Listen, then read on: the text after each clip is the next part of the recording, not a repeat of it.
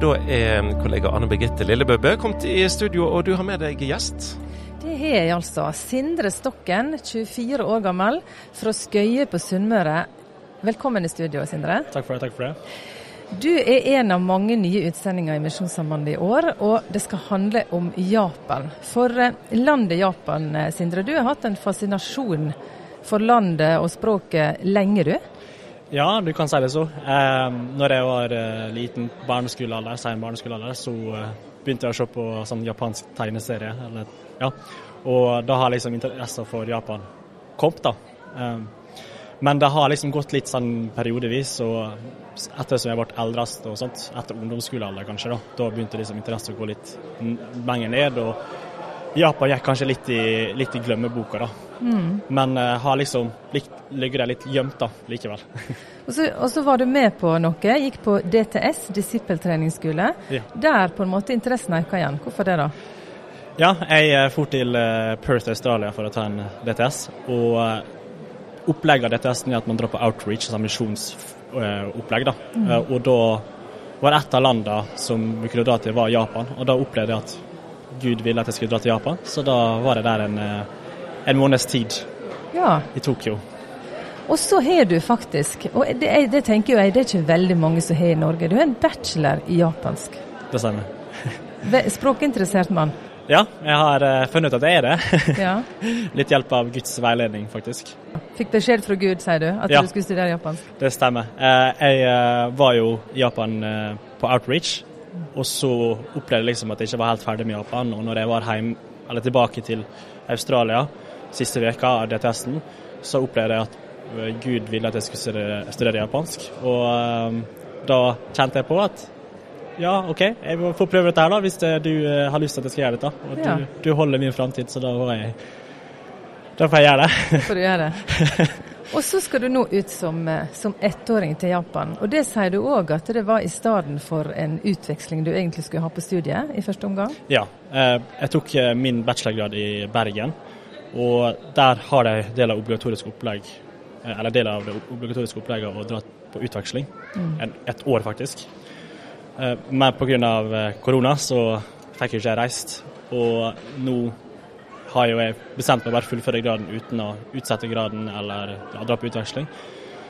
Og kjente liksom ja, OK, kanskje jeg skal prøve meg som en ettåring. Mm. Da får jo jeg reist til Japan og vært der, vært der et år, sånn som jeg skulle. Og får også, da er jeg jo ferdig med en grad og har, kanskje har et grunnlag som jeg opplever jeg har et grunnlag, men jeg har en veldig lang vei å gå igjen for å faktisk mestre det språket. Så da håper jeg å kunne dra dit og lære mer av språket eh, og ja, få mer input, liksom. Ja. Og Det er jo ofte ved å praktisere at du lærer enda mer språk. Mm. Så nå skal du altså ut til Japan. Mm. Eh, hva oppgave er det du skal gjøre der som ettåring i Japan for Norsk Luthersk Misjonssamband? Der uh, har jeg fått en liten sånn pekepinn på hva jeg skal gjøre, og det er um, hjelpe til litt på norskundervisning. Uh, og uh, litt ungdomsarbeid som er som sånn hovedoppgavene. da. Mm. Og så får vi se litt om det blir eh, barnehagepass, eller om det blir Jeg vet at det skal være en sånn, ja, sånn samling for misjonærene ute i våren. Da vet jeg jeg skal prøve å passe litt på barna, og kanskje bli med på litt bidrag også. Men ja. ja, det blir liksom hjelpe litt utsendingene som er der allerede. Ja. Eh, det er jo ganske store kulturforskjeller mellom Japan og Norge. Noe vet du om. Er det noe du er spesielt spent på i forhold til det? Det er jo dette der, eh, den sosiale kulturen med liksom hvordan man henviser seg til folk og hvordan man prater med, mm. med det. Det har jo veldig avslappa versjoner å snakke med. Når du snakker med venner, så snakker du veldig avslappa, men når du snakker med ukjente, nye folk, eller eldre, så skal jo du snakke høflig form, eller veldig høflig form. Og du skal jo helst unngå å bruke liksom andre pronomen, da. Sånn du. Du skal jo helst bruke bare navnene til folk ja. for å vise litt sånn respekt. Så da kan du gå på noen blemmer? Der tror jeg jeg kan, eh, ja. ja. Du, nå skal, skal dere ut, eh, ha hatt kurs her for utsendinga her på generalforsamlingen til Norsk Luthersk Misjonssamband, og du skal også tre uker til Kenya. En liten omvei, men en uh, liten ferie i Kenya, fint det? Kanskje det blir en liten ferie, ja. Jeg tror det, jeg tror det blir absolutt kjekt ja. uh, og godt å liksom slippe liksom Norge-bagasjen og uh, vende blikket framover til liksom hvor jeg skal hen. Men eh, det er sånn som du sier, det er jo litt omvei. Og jeg merker jo at i hvert fall når jeg fikk vite at jeg skulle til Kenya, så var det sånn Oi, det blir jo litt litt mye styr for, Ja. eh, for å dra til Japan, liksom. Får vi, får vi håpe det blir gode dager der. Og så ett år i første omgang. Ser du for deg mer tid i Japan? Jeg, eh, jeg tenker i hvert fall at eh, året etter uh, ettåringsstillinga, så eh, håper jeg å komme tilbake til Bergen. For jeg har ei som venter på meg der. Rett og slett avstandsforhold skal du ha. Jeg skal det. Så eh, kanskje ikke med det første, men med det andre, Med det andre. så, kan det være. skje. Tusen takk for at du kom innom i studio, Sindre Stokken. Takk for det.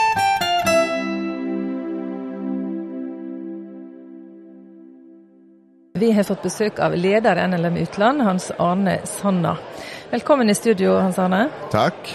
Du, Hvordan er det å være på sånn store misjonsfamiliesamling her på generalforsamling? Du, det er veldig, veldig kjekt. Jeg koser meg. Det har, man var litt spent i forkant, men jeg syns det har vært en utrolig flott uke. og Veldig, veldig stas å være på møtene og seminar. Og så er jeg ekstra stolt over å ha en rekke internasjonale gjester som har vært med oss hele uka. Helt fra mandag av med internasjonal konferanse og så videre denne uka. Så det også å ha de med inn i dette fellesskapet har vært eh, til stor velsignelse for min del. Så du har fulgt opp med jobb både denne veka og i lang tid i forveien, tipper jeg. Ja, vi har jobba en del både med sakene som skal opp, men også ikke minst både med bibeltimer og kveldsmøter og internasjonale gjester osv. Ja.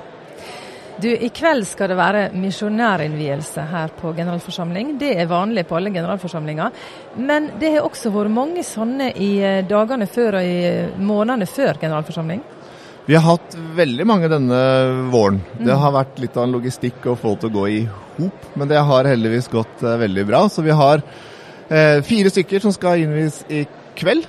Og det er jo ekstra liksom, symbolsk sterkt på GF når så mange er med og sender, som et symbol på at et helt misjonsfolk står sammen med de som skal reise ut.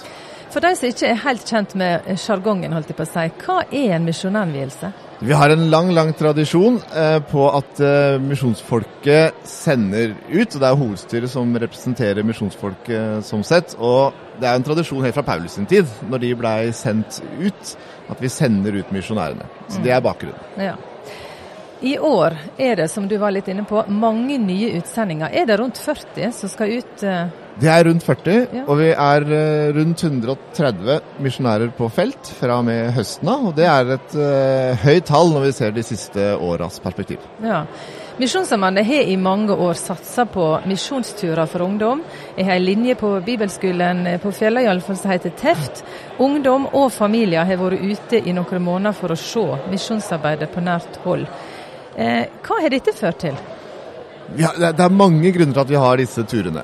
En viktig grunn er for å skape et engasjement tilbake i Norge. Og så er det et møte med kirker ute som jeg tenker er veldig viktig. Altså Man blir inspirert og får lære mye, får mye. Og så ser vi at det er med og rekrutterer.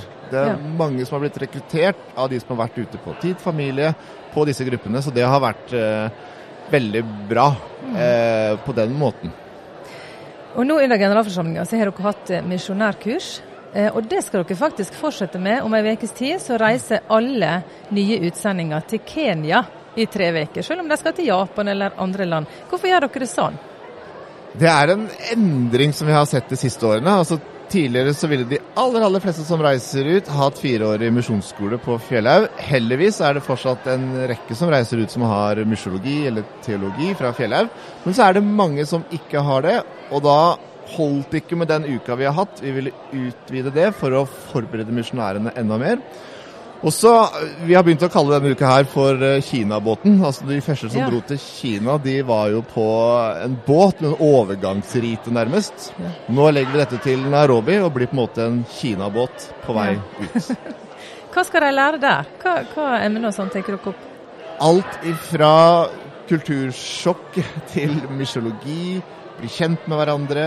Eh, vi har nå en del teologi, og så har vi beredskap, det med sikkerhet. Så vi toucher borti veldig veldig mange ting. Dessverre ikke tid til å gå i dybden på alt, men Nei. toucher borti mye. Du som er leder i NLM Utlandet, hvordan vil du si engasjementet for misjonen er i 2022? Hos oss er det fantastisk stort, syns jeg. Og det ser vi igjen her på generalforsamlinga. Og så er det jo ikke det som Det er jo ikke her vi ser liksom Norge støtter størst opp om misjon. Men hos oss, og utover hos våre gode venner hos de andre, så er det fortsatt stort engasjement, og det ser vi på rekruttering at det er. Og det er jo utrolig flott. Og eh, her under generalforsamlingen så har det jo vært diskutert eh, masse altså strukturendringer, kvinners rolle. Eh, ja, masse, og det har vært uro i organisasjonen. Men når en diskuterte strategi, så virket det som at her var folk ganske så samkjørte og enige om hvor en ville. Ja, det er min opplevelse òg. Og at vi nesten uansett så samles vi rundt det kallet vårt da, om misjon. Også både i Norge, men ut i den store verden. At det er vårt DNA. Og da merker vi det. Og da er det heldigvis ting å diskutere innafor det òg, som vi merka i går. Men det er en samling rundt det. Det er utrolig flott. Vi prata med leder for eh, Misjonssambandet Ung, som fortalte om et, et sterkt engasjement. Ikke bare eh, blant eh, liksom, eh, de med grå hår, men, men blant unge mennesker for misjon. På UL i år så merker man det jo veldig tydelig, det å være på UL og merke det engasjementet for misjon. Da tror jeg disse korttidsturene har en betydning, og osv. Og den eh, det, det DNA-et vårt, da, det gjennomstyrer helt ned til liksom de første leveår. og det, det merker man når man kommer på UL.